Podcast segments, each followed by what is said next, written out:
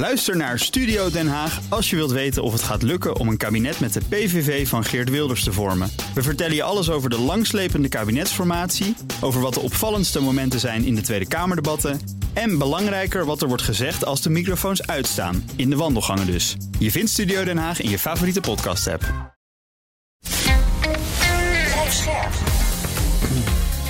BNR Nieuwsradio.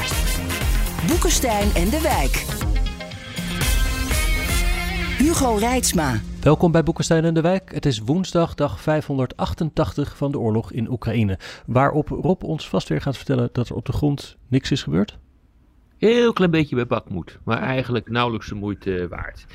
Kijk, dat zeggen we nu al een tijdje. En ik denk dat mensen daar ook niet goed van worden. Maar wat je dus ziet is dat... Uh, ja, je hoopt natuurlijk gewoon op doorbraken, weet je. Dat, uh, dat willen we allemaal, willen dat dit gedoe ook eens een keer afgelopen is. Maar wat je dus nu ziet uh, in de pers, maar ook op, ehm, laten we zeggen, sites van Understanding War.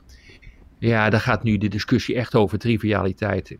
Eh, over de vraag of Shogu dit en dat heeft gezegd. Of dat er misschien ook wel een gerucht is over een wisseling van uh, uh, de commandanten te, te, velden. En die mailbloggers worden dan aangehaald. Nou, die, die, die, die, die roepen ook allemaal dingen die vervolgens weer niet waar zijn. Dus dat is een beetje ja, ja, de ja. op dit ogenblik. Dus iedereen die zit maar wat te roepen. En je ziet eigenlijk dat er, ja, dat, ja je, je moet toch wat schrijven, dus dan ga je daarover schrijven. Het is een soort komkommertijd effect wat je dan krijgt. Ja, ja ik, herken ja. dat van de ja, zomer. zeker, zeker, ja. Hm, Arjan, heb jij nog wat gezien? Nou ja, wat ik, wat ik gelezen heb, is iets wat, wat al eerder bekend is, maar het staat nu vrij prominent in de New York Times. Dat is het begrip uh, elastic defense, elastische defensie. Mm -hmm. En, en, en er wordt dus gesuggereerd dat uh, Rusland daar successen mee behaalt. Je geeft dus een stukje grond op. Dus je gaat dus uit je loopgraaf en je loopt naar achteren en je gaat naar een nieuwe loopgraaf. En dan lok je dus de Oekraïners uit hun eigen loopgraaf. Want die lopen dan naar de nieuwe en dan zijn ze dus heel kwetsbaar, want dan zijn ze open. Hè? En dan slaat uh, Rusland toe. En dat is natuurlijk een uh, hele bekende tactiek, hè, die de Russen ook al eerder hebben toegepast. Bijvoorbeeld ja. in 1943, de slag om Koersk, als ze dus de Duitsers weten te verslaan. Hè. Maar goed, als ik dit soort dingen allemaal lees, dan denk ik van nou, dat, dat weten we natuurlijk wel van, van andere verhalen. Maar ik begin steeds meer te denken, jongens, van misschien komt er gewoon helemaal geen doorbraak. Ik lees ook steeds ja, meer mensen ja, die zeggen dat dit gaat gewoon de winter door. En straks in november wordt het dus, zitten die tanks vast. Hè? Ik word maar ja, Arik Jan, weet je, die, die, die, het verhaal wat je nu, nu geeft, wat dus zo prominent in de New York Times staat, dat duidt er dus gewoon op dat er geen nieuws is. Hm. Ja. En, en, dan krijg je dus dit soort dingen. Kijk, weet je, een variatie op dit thema was, en dat hebben we ook behandeld, Prigozhin toen hij nog in leven was, eh, met zijn Wagnergroep in Bakmoed, dat die gevangenen, eh, gevangenen die tot soldaat gemaakt waren, de loopgraven uit, uh, uitschopten in de richting van de Oekraïners om gewoon te bekijken waar de Oekraïners zaten. Kennelijk doen ze dat dus niet meer, maar zijn ze nu op hele oude tactieken overgesteld uh, om toch die Oekraïners maar uit hun loopgraven te kijken, zodat je ze kunt uh, zien en zodat je ja, ze kunt doodschieten. Daar komt het feitelijk op neer. Uh, maar ja, Niks nieuws. Overigens, op dat punt van het weer dat Ariane noemt, vond ik wel interessant. Het was niet van vandaag, maar van eergisteren of iets dergelijks. Dat een Oekraïense generaal zei: Ja, onze uh, opmars die is toch uh, dismounted, zoals ze dan zeggen. Dus het is gewoon ja. mannetjes die lopen. Die, dat is niet met tanks. Dus daarom hoeft de winter ook niet zo'n groot probleem te zijn. Nee, dat, dat, gaat dat, nu dat traag, maar dat kan wel gewoon zo traag door blijven gaan. Uh, ja, als het voor mij hebben we dat ook gezegd. Ja, ja. eens. Ja, dat, dat klopt. je ziet amper uh, zwaar materieel uh, achter de, uh, de linies die doorbroken zijn door die Oekraïners. dan moet je dus kijken in de westelijke Zaporizhzhia Oblast, maar ook bij Bakhmut. Ja, ik, ik zie het niet. af en toe is er eens een keer een bericht dat er iets aan zwaar materieel er doorheen lijkt te komen. Maar er zijn ook weer dan foto's van materieel dat gewoon gesloopt is. Hè, dat het niet heeft overleefd. Ja. ja. Ook weer veel berichten vandaag, en dat is denk ik niet triviaal, is over de munitievoorraden. Hè, en wat daarvan over is om aan Oekraïne te leveren. Nee, dat ja. is absoluut niet uh, triviaal, uh, Arjan. Nou, admiraal Bauer hè, die heeft net gezegd van uh, nu komt echt de, de bodem van de kist. Komt, uh, ja, dat is de, de voorzitter van het militair comité van de NAVO. Hè? Dus is een zeer hoge NAVO-functionaris. Ja, dat is een Nederlander. Hè? Nou, dat is een probleem. Ik las ergens ook een stukje dat aan Russische kant, hè, dat stond over in dat New York Times verhaal, jongens, over die elastische oh. defense, dat de Russen hebben wel heel veel munitie voorraden. Dat werd opeens weer gezegd in dat stuk. Nou ja, ze gooien niks weg.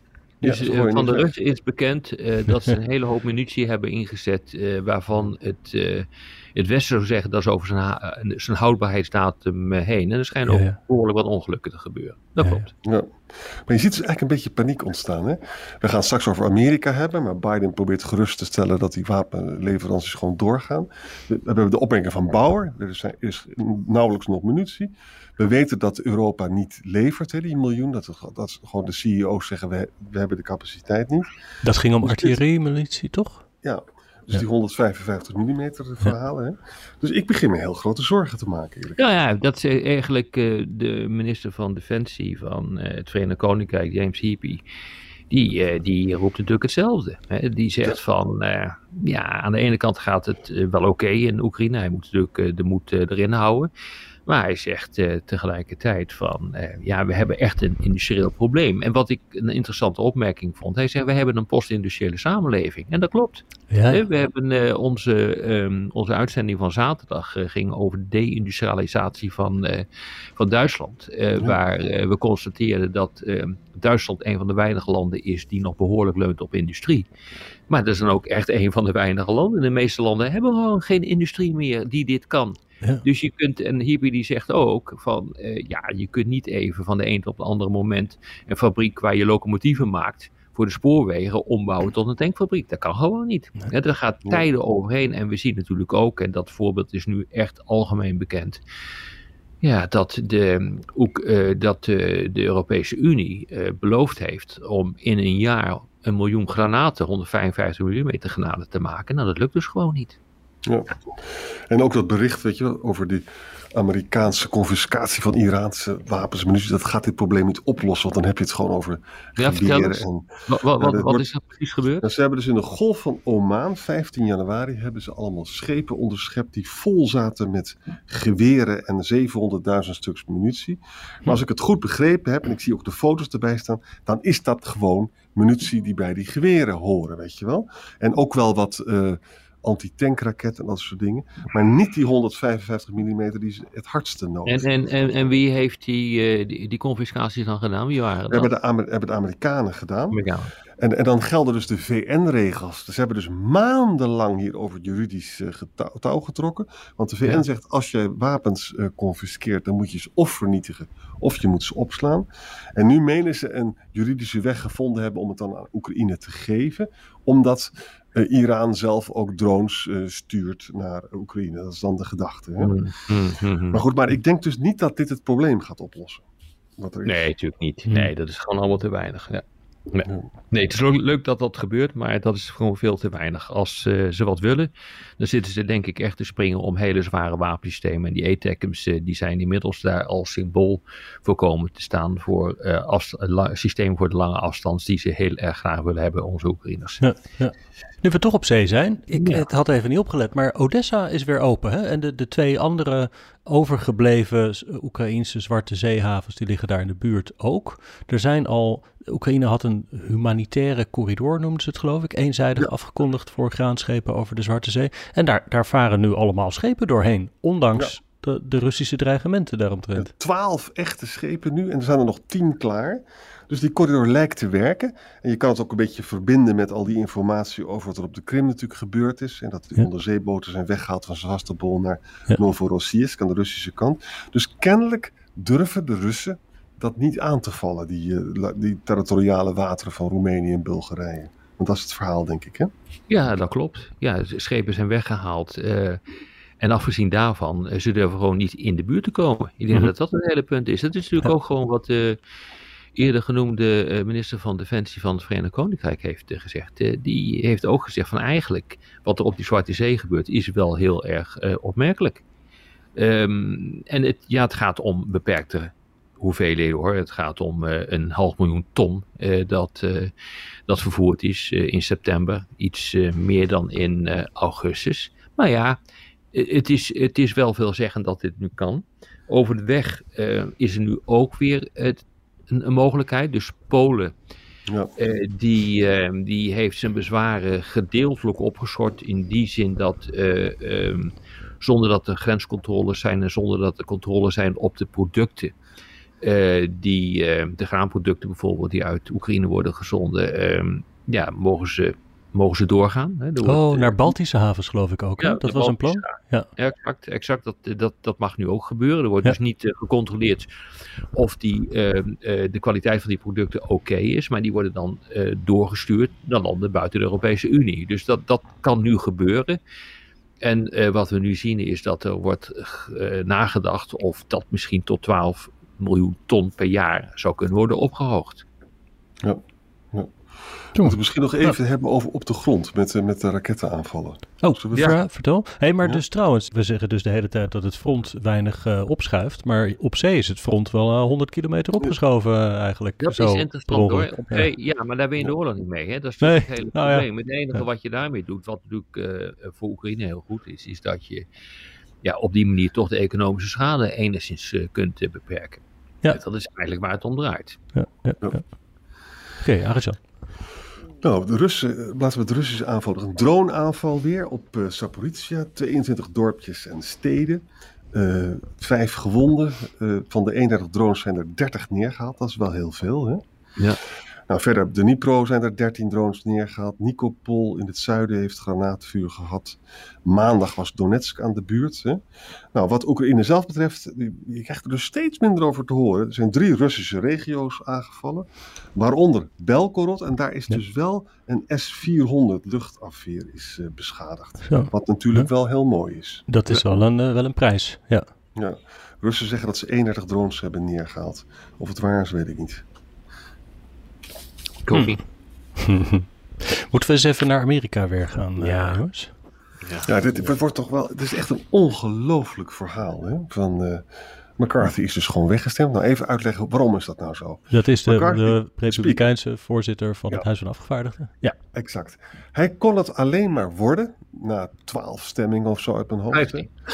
Vijftien zelfs. Hè? en, en, en hij moest dan dus, de laatste concessie die hij gaf, dat één Republikeins lid, was voldoende om een motie van afkeuring uh, in te dienen. Mhm. Nou ja, dat was natuurlijk rampzalig, want dat gaat natuurlijk gewoon gebeuren. Want er zijn ja. acht tot, tot twintig uh, uh, van die Trump-extremisten die, die, echt gewoon alles kapot willen maken. Nou, dat is dus ook gebeurd. Hè. Die Gates heeft dat ingediend. En wat is er gebeurd? En daar moeten we even over praten, denk ik is dat uh, er hebben dus uh, nee, acht uh, republikeinen, inclusief Gates zelf, voorgestemd. Maar de democraten hebben ook allemaal daarvoor voorgestemd. Mhm. En ik vraag me dus af of dat nou wel zo verstandig is. Hè? Ja, ja, dat vroeg ik mij ook af. Wat, wat, wat vind jij eigenlijk? Nou kijk, ik ga eerst de redenering van de democraten weergeven, ja. naar wat wij ervan vinden. De democraten hebben in de eerste plaats gekozen voor totale eenheid. dus dat betekent, je kiest voor de polarisatie, wij zijn voor de democraten. En als je de republikeinen kapot kan maken, dan moet je het vooral doen. Tweede reden die ze hebben is een politieke als uh, al deze shit die er nou ontstaat, de onzekerheid over ook de wapenleveranties aan Oekraïne, hè, want dat zat mm. niet in die laatste deal. Ze hopen, democraten hopen dat dat bij de verkiezingen slecht uitpakt voor de republikeinen. Ze hebben daar dus een politieke mm. redenering bij. Hè? Dus dat maakt de republikeinen eigenlijk bij de verkiezingen kwetsbaarder. Hè? Nou ja, ik, ik zou er tegen in willen brengen van... Uh, kennelijk is dus de democratische eenheid belangrijker dan het risico op een nog chaotischer huis onder een nog rabiater republikeins leiderschap. Die gekke meneer Jordan bijvoorbeeld, die heeft dat is ook zo'n Trump-acolyte, acolyte, die heeft zich alweer aangekondigd. en, en ja, luister, het is allemaal leuk en aardig, de Democratische Partij, maar je bent nu mede verantwoordelijk voor... Ik vind dat ook. Ja, ja ik, ik, Arian, ik, ik heb me erover verbaasd dat die... Uh, Democraten hebben meegestemd. Uh, ik begrijp ook uh, jouw uitleg. Uh, dat is inderdaad ook de uitleg die eraan wordt gegeven. Maar ja, weet je wat je hier natuurlijk mee doet? Is het leiderschap van de Verenigde Staten totaal in discrediet brengen. bedoel, ja, de, de, we, hadden, het net over die, over die wapenleveranties, of die nog wel kunnen doorgaan, en met name die munitieleveranties. Ja, er komen dus nu al berichten uit het Pentagon, waarin wordt gezegd van, ja, als dit zo doorgaat, de bodem van de kist ja. komt in zicht. Dus ehm, dit is heel erg slecht. En bovendien ook heel erg slecht voor de relatie met Europa want uh, nou, onder Trump was het waardeloos, uh, de relatie tussen Amerika en, uh, en Europa. Onder Biden begon dat een beetje op te krikken, maar nu door God beter de toedoen, eigenlijk ook mede van de uh, Democraten zelf, voor, zijn we weer terug bij af. Ja. En dan die totale idiote discussies van Marjorie Taylor Greene, die dan roept van, ja, die dan uh, roept van, ja, Trump die moet een nieuwe voorzitter van het huis worden. ja, het is toch ongelooflijk. Het is toch ongelooflijk. Ja. Weet je, nu is het tijd dat mensen als Lindsey Graham uh, opstaan. Dat zijn Atlantische Amerikanen, laat ik het zo maar zeggen. Uh, en dat zou ook kunnen. Er is weliswaar een meerderheid van de Republikeinen nu tegen extra steun. Maar als je weer andere bronnen leest, dan is het ook zo dat toch heel veel Republikeinen zich buitengewoon ongemakkelijk voelen met het gedrag van die Gates. Hè? En die uiteindelijk. Dus het is. Sommige mensen zeggen, of het waar is, weet ik niet, jongens. Dat de Senaat bijvoorbeeld, hè, daar praten we nu over het House, maar dat de Senaat zelf een wet moet aannemen. Gewoon ja. moet voorstellen, Republikeinen moeten voorstellen. om gewoon geld te geven aan, aan Oekraïne. Ja. En de zaak onder druk te zetten. Maar het probleem is dit: die regel, hè, die is gewoon, die staat dat één Republikeins lid kan gewoon een motie van wantrouwen indienen. En daar kan je waarschijnlijk niet zomaar van afkomen, denk ik. Dan moet je weer een nou meerderheid ik, hebben. Ik weet niet of die ook geldt als er een nieuwe republikein wordt gekozen tot uh, voorzitter van het huis. Ja, maar dat, dat kan dus een nog grotere idioot zijn. Hè? Dat kan, ik bedoel, nee, ik bedoel, dat kan nog een rabiater man zijn dan, dan McCarthy. McCarthy was overigens voorstander hè, van het steunpakket aan Oekraïne.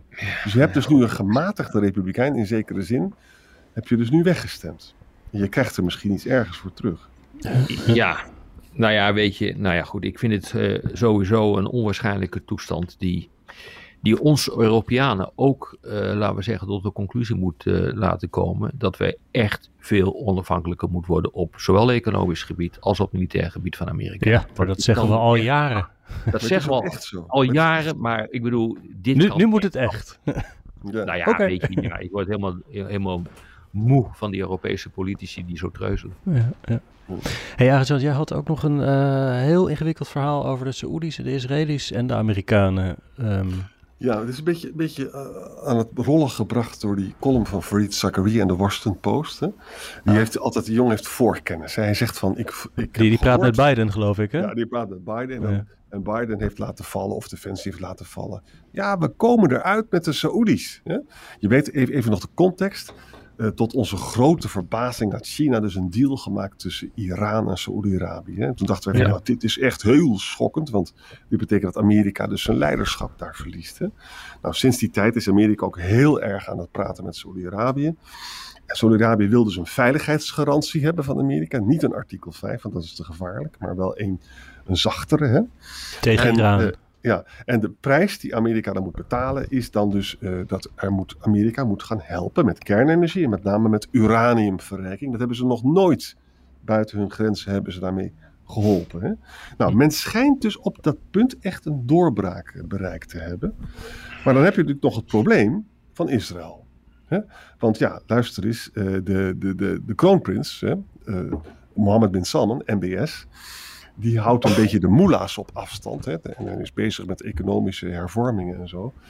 Maar die moela's, die moet hij ook wel een beetje te vriend houden. En die moela's zeggen van, ja luister eens, uh, we kunnen wel uh, Israël gaan erkennen en zo. Want dat is dan ook een onderdeel van het hele pakket. Maar dan moet er wel een Palestijnse staat komen. Geen gezeur. Hmm. Hè? Nou, ja. we weten dus dat onder Trump en ook ook onder Netanyahu is de Palestijnse staat helemaal achter de horizon vertrokken. Mm -hmm. Nou, wat ik dan interessant vind, is iemand als Farid Zakaria, die is echt goed ingewijd. En ook Martin Indijk, weet je de oud-Amerikaanse ambassadeur in, mm. uh, in Israël. Die denken nu dat er misschien toch een deal gaat komen, want Israël heeft deze deal eigenlijk nog meer nodig dan Amerika en Saoedi-Arabië. Uh, en die druk om die Palestijnse staat dus mogelijk te maken is echt wordt nu heel groot. En dat betekent dus dat Netanyahu moet maar gewoon breken met zijn, met zijn eh, bestaande coalitie. Hè? Uh, en, en, en Netanyahu denkt, ach, uh, Mohammed bin Salman die gooit die Palestijnen wel voor de bus, want die hebben daar helemaal geen, geen gevoel bij. Maar dat is dus niet waar. Die moela's die stellen dat als eis. Dus met andere woorden, het is allemaal speculatief. Maar we kunnen dus twee dingen verwachten. Er komt waarschijnlijk echt een deal met Saoedi-Arabië. En er komt onwaarschijnlijk grote druk op Netanyahu. Wat ook die, die regering zal de, de, kop zal kosten. Om toch een Palestijnse staat mogelijk te maken. Ik vind het, ik vind het nogal spannend. Nou ja, het moet wel gebeuren. Het moet allemaal wel gebeuren, ja. Ja. Nou, ik weet het niet. Probeer het vooral te volgen. Het is, het is uh, ontzettend ja. complex. Maar, het is ontzettend uh, complex. Het is ontzettend complex. Maar ja, het is wel zo dat uh, Amerika moet natuurlijk Saudi-Arabië in zijn greep uh, krijgen. Want ja, China zat er gewoon tussendoor te fietsen. Ja. Amerika nou, vraagt in je, greep, dan, in je greep kun je wel, in je greep kun je wel vergeten, uh, Arjan. Ja. weet Want, je wat ze een vraag aan de Saoedi's? Van, je, je mag geen militaire basis geven aan China. Weet je, dat soort, dat soort dingen vragen ze nu aan de machtspolitiek van de bovenste plank. Ja. Maar de grote vraag is of uh, die Mohammed Ben Salman zich echt uh, laat richten door ja. de Amerikanen. Ik denk hm. dat hij gewoon zijn eigen koers wil uh, varen. En dat is logisch, omdat Saudi-Arabië een van de landen is die een, een belangrijke positie wil bekleden in het hele golfgebied. En eigenlijk in concurrentie is met Turkije, met Iran. Ja. Ja, met, ja, met, die twee, uh, met die twee landen. En ja, dat be betekent toch dat hij echt zijn eigen belang op de eerste plaats zal uh, stellen.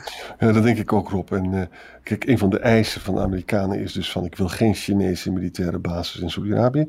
En ik wil dat de olie in dollars blijft worden afgerekend. Hè? Hmm. Nou, dat is natuurlijk niet echt een belang van Mohammed bin Salman. Dat is wel een hele hoge prijs die dan moet betalen... Ja. voor ja. een Amerikaanse veiligheidsgraad, die ook nog een beetje zacht is. Ja. Nou, dus allemaal nog... even, ja, een beetje ja, volgen en uh, eens kijken hoe dit afloopt. Exact. Hoe zeg maar, de, de geopolitieke kaart van de wereld wordt hertekend in de schaduw ja. van alle conflicten waar we het over hebben. Dat mag je wel zeggen. Ongeveer elke aflevering die we maken is hier een beetje bij getekend. Ja. nou, dank daarvoor dan maar weer. Ja. En tot morgen. Tot morgen. Tot morgen. Ook Harm Edens vind je in de BNR-app. Je kunt BNR Duurzaam niet alleen live luisteren in de app, maar ook terugluisteren als podcast, zoals al onze podcasts. En naast dat de BNR-app Breaking News meldt, houden we je ook op de hoogte van het laatste zakelijke nieuws. Download nu de gratis BNR-app en blijf scherp.